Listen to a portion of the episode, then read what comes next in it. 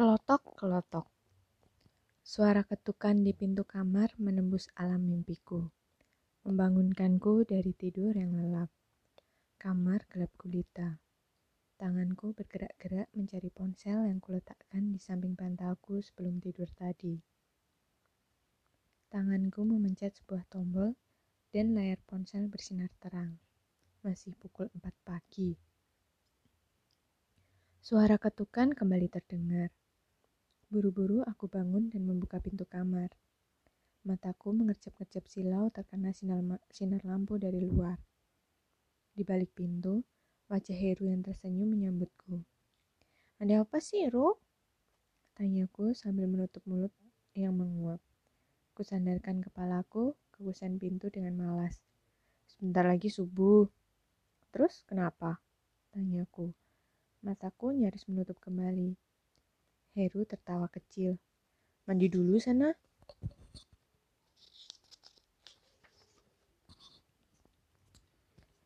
Kita kan baru berangkat jam 6 nanti.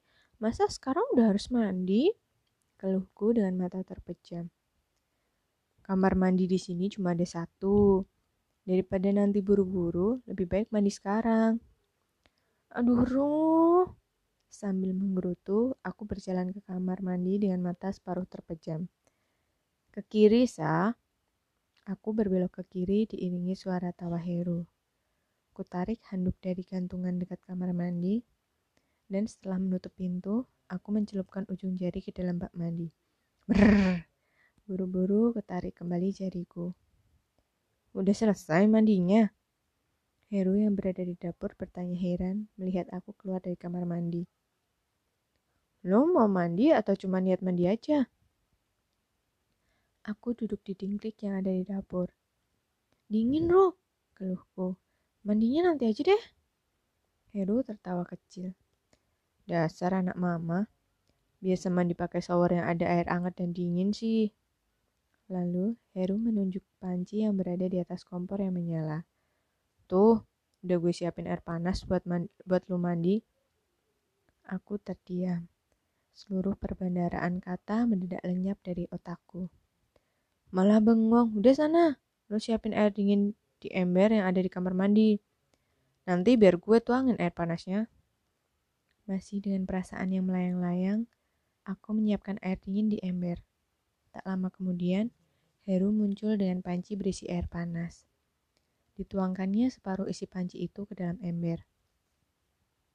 Kurang panas nggak? Kumasukkan tangan kananku, kemudian menatap Heru tanpa mampu berkata-kata. Ditanya malah bengong, air panasnya mau ditambah lagi. Mm, mm, gak usah, kataku dengan susah payah. Mendiki? Dari balik pintu kamar mandi yang tertutup, aku mendengar suara ibu Heru. Kelihatannya orang-orang sudah mulai beraktivitas pagi ini.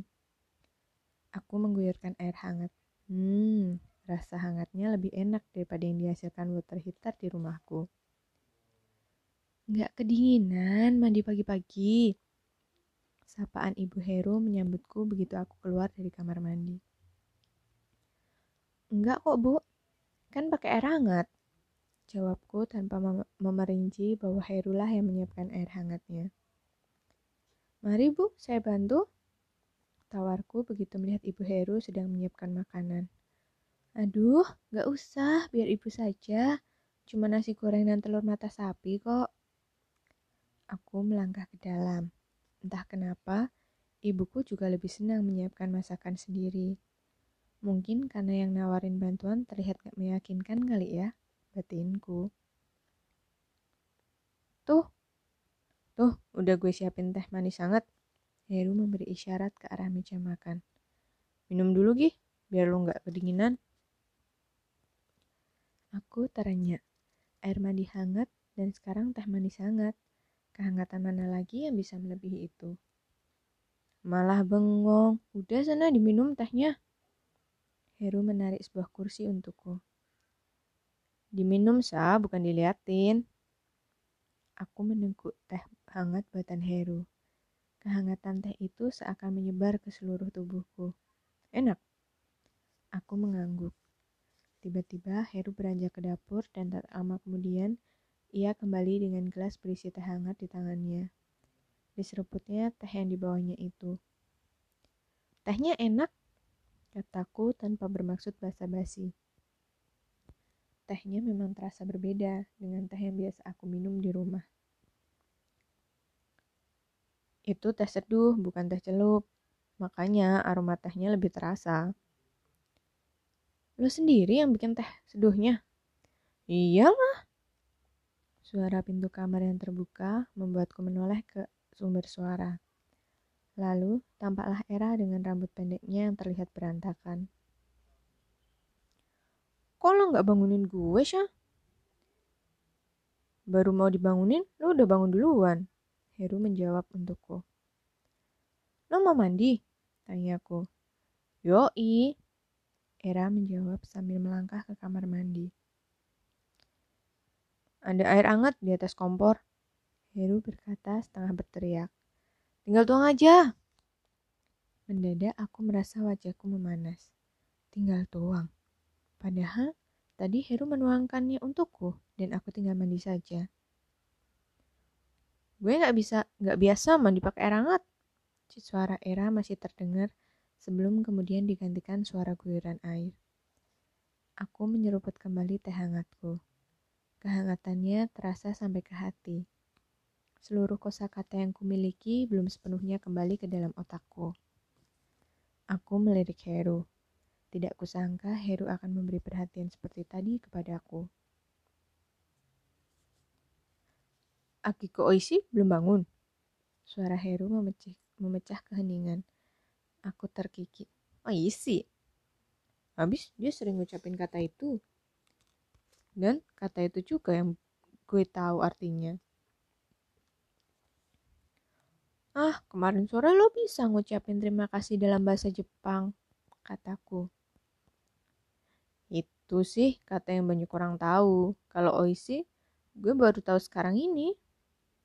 Era muncul dengan rambut basah tepat saat pintu kamar mandi terbuka yang memunculkan wajah Akiko lengkap dengan senyumannya. Kamar mandi kosong, saya mau mandi. Kosong, Era menjawab sambil masuk ke kamar. Gue ganti baju dulu deh, Ru. Aku bangkit menuju kamar. Heru ikut berdiri. Gue bangunin Kenji sekarang, biar dia langsung mandi habis Akiko selesai. Aku meninggalkan meja makan. Di dalam kamar, aku duduk dan mulai menggoleskan mengoleskan hand body lotion. Lo tadi mandi pakai air dingin? Era bertanya sambil mengoleskan krim ke wajahnya. Era anget? Jawabku pendek. Ku ambil tempat krim yang baru diletakkan Era dan memperhatikan tulisan yang tertera di bagian tutupnya. Sunblock. Aku memandang takjub, tidak menyangka ternyata Era peduli dengan perlindungan kulit wajahnya. Lo masak sendiri air panasnya? Ada nada curiga dalam pertanyaan Era.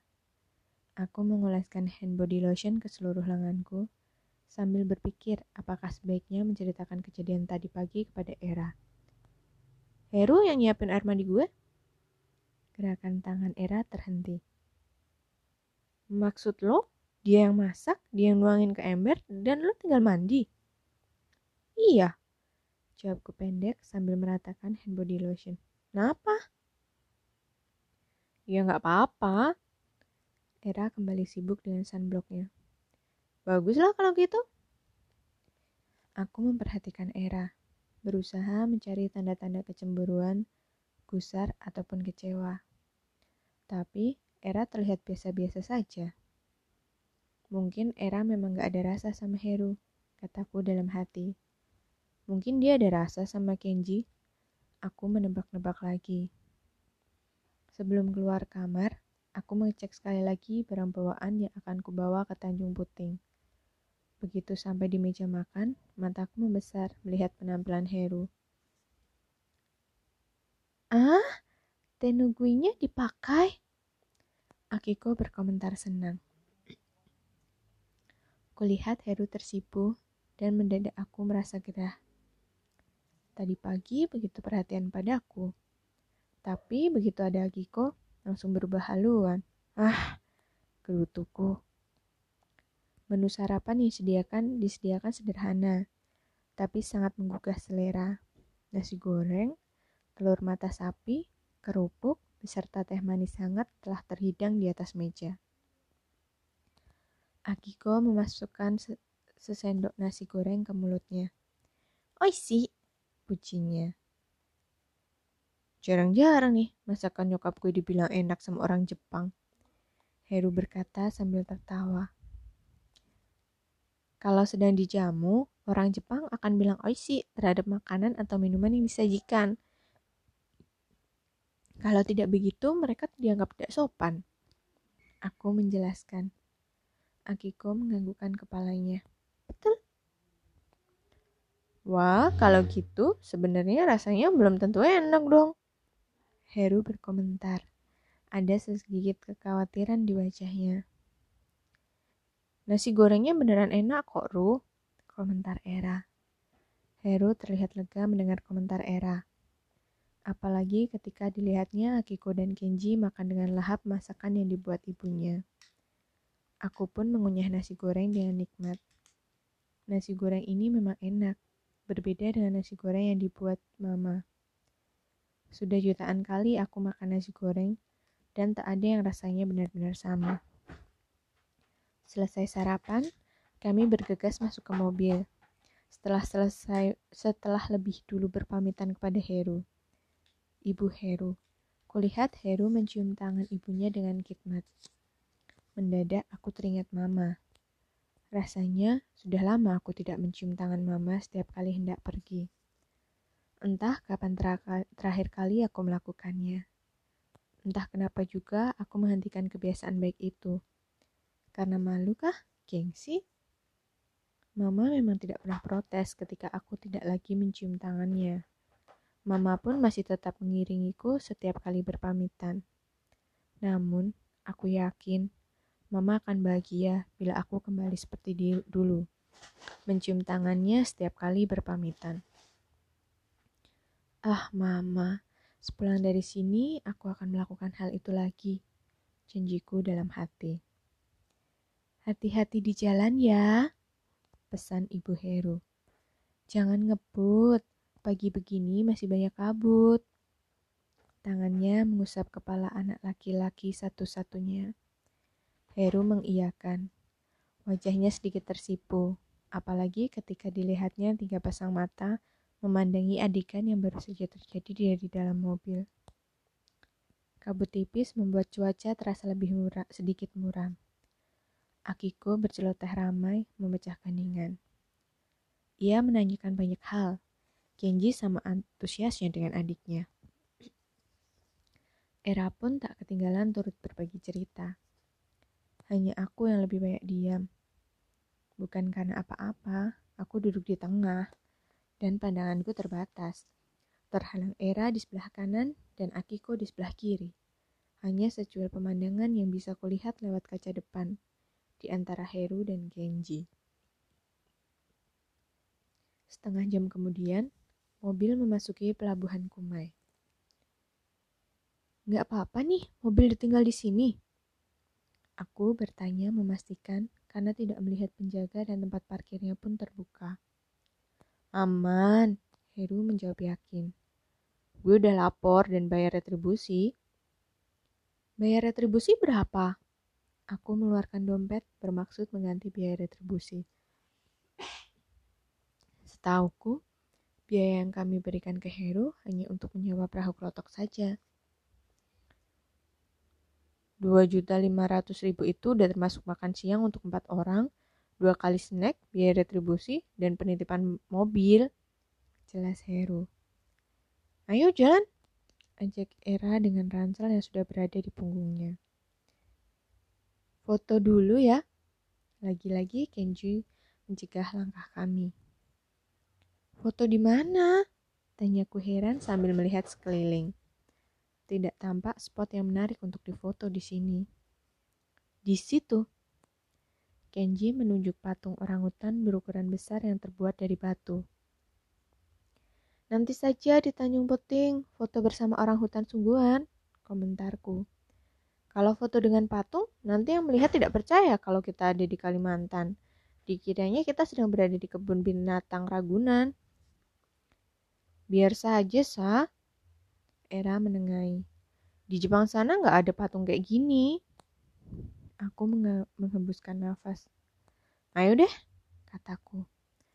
Duh, Era, mentang-mentang kaji yang usul, langsung deh dibela-belain.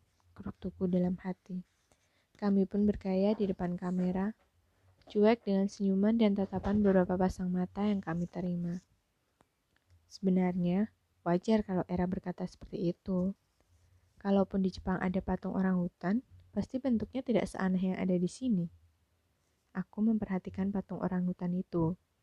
Rasanya ada sesuatu yang salah dengan patung ini, hingga bentuknya terlihat tidak alami. Tak lama kemudian, sudah kudapatkan jawabannya. Patung orang utan ini terlihat aneh karena bagian atas kepalanya terlalu menjulang ke atas. Bentuknya jadi mirip dengan ibu-ibu pejabat yang rambutnya disasak tinggi. Ukuran pipinya pun mencuat ke samping terlalu lebar. Tatapannya jadi terlihat sedih. Kenapa sih banyak yang memperhatikan kita? Tanyaku penasaran. Tadinya aku pikir orang-orang itu hanya memperhatikan saat kami berpose. Ternyata pandangan mereka tetap mengikuti kami ketika kami berjalan menuju dermaga. Kayak kita terlalu heboh ya? Bukan. Heru yang berjalan di sampingku menjawab sambil tersenyum kecil. Mereka merasa aneh ada wisatawan lokal yang mau pergi ke Tanjung Puting. Kenapa gitu? Biasanya, cuma wisatawan asing yang tertarik ke Tanjung Puting. Turis-turis itu senang nyusurin sungai, lihat pemandangan yang ada di sisi-sisi sungai, dan lihat langsung kehidupan yang ada di hutan. Kalau wisatawan lokal kan lebih suka pergi ke tempat wisata di perkotaan. Aku hanya meringis mendengar penjelasan Heru. Perahunya yang mana, Ru? Era yang berjalan paling depan menoleh ke arah Heru begitu melihat beberapa perahu kelotok tampak berjejer di depan. Perahu kelotoknya bukan yang ukuran paling kecil kan, Ru? Tiba-tiba aku teringat cerita Heru dulu ketika ia menyeberang ke Tanjung Keluang. Enggak lah. Heru tertawa kecil. Itu perahunya, ucapnya sambil menunjuk sebuah perahu. Aku tertegun selama beberapa saat, menatap perahu klotok yang akan membawa kami ke Tanjung Puting. Perahu klotok ini tidak jauh berbeda dengan perahu kayu pada umumnya. Hanya saja dilengkapi dengan mesin bermotor. Dinamakan perahu klotok karena suara mesinnya yang berbunyi seperti itu. Ukurannya perahu klotok yang akan kami tumpangi ini sekitar 3 kali 12 meter. Dibandingkan dengan perahu wisata di negara lain yang pernah aku kunjungi, perahu ini terlihat begitu sederhana. Sini, gue bantu. Heru mengeluarkan tangan, siap membantuku masuk ke perahu kelotok. Kalau terpleset gimana? Tanyaku ragu-ragu. Jadi basah lah, sahut Era. Aku memelototi Era. Ah, mentang-mentang tadi dia naik perahu dengan dibantu Kenji, sekarang ia meledekku. Akiko mengeluarkan tangannya kepadaku. Mari saya bantu. Duh, kenapa bukan Kenji yang mengeluarkan tangannya? Tubuh Akiko tidak jauh berbeda denganku. Mana kuat dia menahan tubuhku. Dengan bantuan Heru dan Akiko, aku berhasil naik ke perahu kelotok. Kulihat Era tersenyum simpul. Sementara itu, Kenji sudah langsung naik ke lantai atas. Perahu klotok ini terdiri dari dua geladak.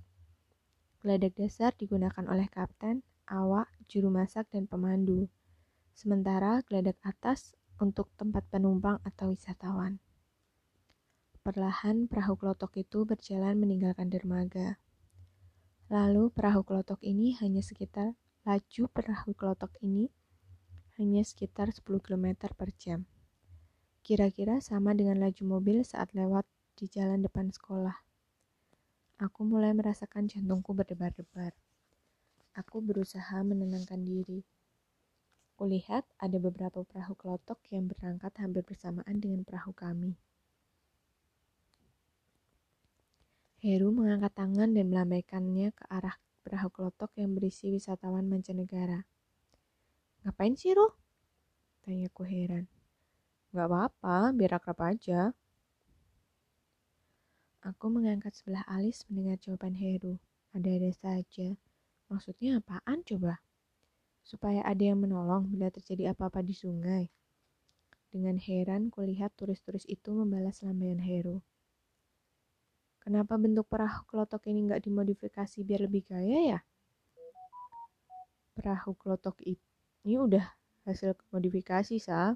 Jawab Heru. Sebelumnya, sebagian besar kelotok-kelotok ini dulu fungsinya bisa ng buat ngangkut kayu gelondongan dari hulu sampai ke pelabuhan Kumai. Waktu itu, kelotok-kelotok ini cuma punya kabin kecil dan tempat kemudi kapten kapal. Setelah penebangan pohon dibatasi dan ditertibkan, kelotok-kelotok ini dimodifikasi kayak sekarang ini dan dialih fungsikan buat menunjang pariwisata, ekowisata. Aku menatap Heru. Lo tau dari mana? Waktu gue ke Tanjung Puting dulu, gue ngobrol-ngobrol sama pemandunya. Jelas Heru. Setengah jam kemudian, aku melihat adanya perubahan warna air. Kenapa warna airnya berbeda ya? Karena kita udah masuk ke daerah. Karena kita udah masuk ke daerah muara sungai. Era menjawab cepat. Pertemuan antara sungai dan laut, makanya warna airnya ada dua gitu. Nah, tuh udah dijelasin sama Era. Tiba-tiba perahu lotok yang kami naiki berhenti. Kenapa berhenti? Tanya ku was-was. Pemandu kami yang sebelumnya asik mengobrol dengan Akiko, memutar tubuhnya dan menghadap ke arah kami. Kita masuk sungai Sekonyer. Di sini ada tradisi yang dilakukan warga setempat, yaitu membasuh muka dengan air sungai Sekonyer. Aku ternganga. Membasuh muka dengan air sungai. Mama! Teriakku dalam hati. Aku melirik sebal ke arah Era yang cengar-cengir. Pasti ia sedang menertawakanku. Ah. Kalau nggak cuci muka nggak apa-apa kan, Ru? Tanyaku setengah berbisik. Nggak baik begitu. Hargai lokal wisdom. Lo cuci muka, lo cuci muka aja sekedarnya. Satu persatu dari kami mengikuti pemandu turun ke geladak bawah. Memang lebih mudah mengambil air sungai dari tepi geladak bawah. Kalau dari geladak atas, sudah bisa dipastikan kami akan tercebur ke dalam sungai. Kenapa airnya jernih, tapi berwarna coklat ya? Tanyaku. Lo tahu nggak, Rah? Kenapa? Heru berbalik bertanya. Karena coklat persediaan Sasa yang ada di tasnya kecemplung ke sungai. Aku cemberut mendengar jawaban Era yang asal-asalan. Heru tertawa. Masih suka coklat? Masih lah, jawabku. Tapi nggak ada hubungannya sama air sungai Sekonyer ini ya. Sungai ini dasarnya gambut, makanya warna airnya coklat. Heru menerangkan. Tora, dengerin, kataku. Era tidak berkomentar apa-apa. Dia malah mendekati Kenji dan menunjukkan hasil fotonya. Aku tercenung memandangi tepian sungai yang kulewati. Baru kali ini aku naik perahu menyusuri sungai berdiameter lebar yang membelah hutan.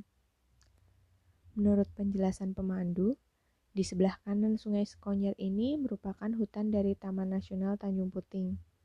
Sementara itu, di sebelah kiri adalah zona hutan penyangga atau dikenal dengan sebutan buffer forest. Hanya beberapa kilometer di sebelah utara dari zona buffer forest itu, kami sudah dapat menemukan monokultur perkebunan kelapa sawit yang luar, yang luar biasa luasnya.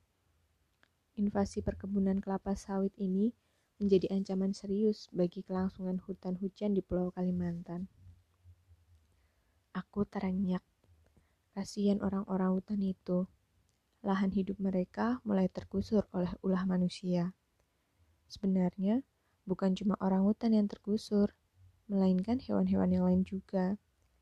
Taman Nasional Tanjung Puting memiliki aneka ragaman hewan yang tidak diragukan lagi jumlahnya. Sekarang pun aku bisa mendengar suara binatang-binatang hutan yang hidup di sini. Aku jadi teringat film Anaconda, The Hunt of the Blood Orchid. Kira-kira seperti itulah suasana yang sedang kulalui saat ini. Eh, tunggu, di sini tidak ada anaconda kan? Hero, lihat. Ada apa, Kiko? Ada yang oisi? Canda Heru. Ada buaya. Aku yang sebenarnya sebelumnya tersenyum kecil mendengar kata-kata Heru, tiba-tiba tersentak kaget. Aku menoleh ke arah yang ditunjuk Akiko dan mendadak tubuhku terasa dingin. Ya ampun, buaya! Buaya sungguhan dengan panjang tubuh sekitar satu setengah meter sedang asik berjemur di sepetak tanah di pinggir sungai. Ekornya tersembunyi di antara ilalang-ilalang. Aku dan buaya itu hanya terpisahkan jarak sekian meter tanpa ada penghalang apa pun. Ero, it, itu buayanya nggak akan berenang ke sini kan? Aku bertanya terbata-bata. Pandanganku masih tertuju ke arah buaya yang tampak tidak terganggu dengan mesin perahu klotok kami. Enggak, Sah. Dia lagi asik berjemur. Mungkin bagi dia, rasanya udah kayak berjemur di pantai Kuta Bali sana. Terdengar suara cekikan Era. Aku hanya bisa menelan ludah. Tak sanggup tertawa mendengar gurauan Heru. Buaya itu masih tetap berjemur. Namun, bisa saja kan buaya itu menceburkan diri ke dalam sungai dan berenang menghampiri perahu kami. Aku menoleh ke arah para penumpang di perahu ini. Kenji tampak asik memotret buaya. Sedangkan Era tidak mau kalah dengan Kenji. Ia begitu asik memotret dengan kamera saku. Sementara itu, Akiko sibuk dengan cam recordernya. Dengan risau aku mengalihkan pandangan dan mendapati Heru sedang menatapku. Ia bangkit dari tempat duduknya dan menghampiriku. Gak apa-apa, Sa. Tenang aja. Nih, gue punya coklat. Lo makan sana. Aku meringis. Heru ternyata masih ingat kesukaanku. Baru ku ingat sebenarnya di dalam tasku juga ada coklat. Namun saking stresnya melihat buaya, aku sampai lupa dengan cemilan kebanggaanku. Ku ambil coklat yang disodorkan Heru dan mulai menggigitnya. Heru, lihat! Ada buaya masuk ke sungai. Coklat yang ada di mulutku nyaris melompat keluar mendengar seruan Akiko. Ya ampun, buaya masuk sungai. Itu bukan buaya, tapi biawak. Ralat pemandu. Tanpa sadar, aku beringsut ke tengah bangku. Buaya ataupun biawak bagiku sama saja, sama-sama menyeramkan. Lo bawa kamera? Tanya Heru kepadaku. Aku mengangguk pelan. Daripada stres lihat buaya atau biawak, lebih baik lo potret mereka. Belum tentu lo akan balik lagi ke sini. Jadi, mumpung ada di pedalaman Kalimantan, pos-posin deh foto flora dan faunanya. Nanti lo bisa tunjukin foto-foto itu ke anak cucu. Aku tidak dapat menahan tawa mendengar kata-kata Heru. Benar juga dia. Aku sibuk stres sendiri dan lupa dengan kameraku. Heru, lihat, ada burung. Seru Akiko. Aku mengembuskan nafas. Memangnya setiap kali ada sesuatu yang terlihat, Heru harus selalu dipanggil. Aku mendongak. Sekerombolan burung terbang dari rimbunan daun-daun yang ada di hutan. Lagi-lagi, aku teringat akan film Anaconda. Pasti ada sesuatu yang mengagetkan mereka, hingga mereka terbang tersentak serentak secara tiba-tiba. Aku menoleh ke belakang. Tidak kulihat ada perahu klotok lainnya di bagian di belakang kami. Hanya ada kesunyian khas alam liar di sana. Aku mengusap lenganku yang tiba-tiba merinding. Heru, sini! Akiko melambaikan tangannya. Heru meninggalkanku dan menghampiri Akiko. Sepertinya Akiko ngefans berat dengan Heru. Sejak tadi, dia terus memanggil-manggil Heru. Mendadak aku tertegun. lihat Heru menyodorkan lotion anti nyamuk dan menunggui Akiko mengoleskannya ke seluruh lengannya. Untung saja Heru hanya menunggui. Coba kalau dia ikut membantu mengoleskannya. Aku menarik nafas panjang, tidak sanggup membayangkannya. Rasanya ada yang aneh dengan perasaanku. Aku mulai tidak suka setiap kali Akiko memanggil Heru. Aku ingin Heru berada di dekatku, menemaniku mengobrol. Aku menghela nafas. Cemburukah aku? Aku mengambil kamera. Lebih baik aku menyibukkan diri dengan memotret pemandangan indah yang ada di sini. Pepohonan rindang dengan seluruh yang menjuntai, Sesekali terlihat bekantan dan monyet ekor panjang berkelayutan di pohon-pohon pinggir sungai. Burung-burung juga tampak berterbangan.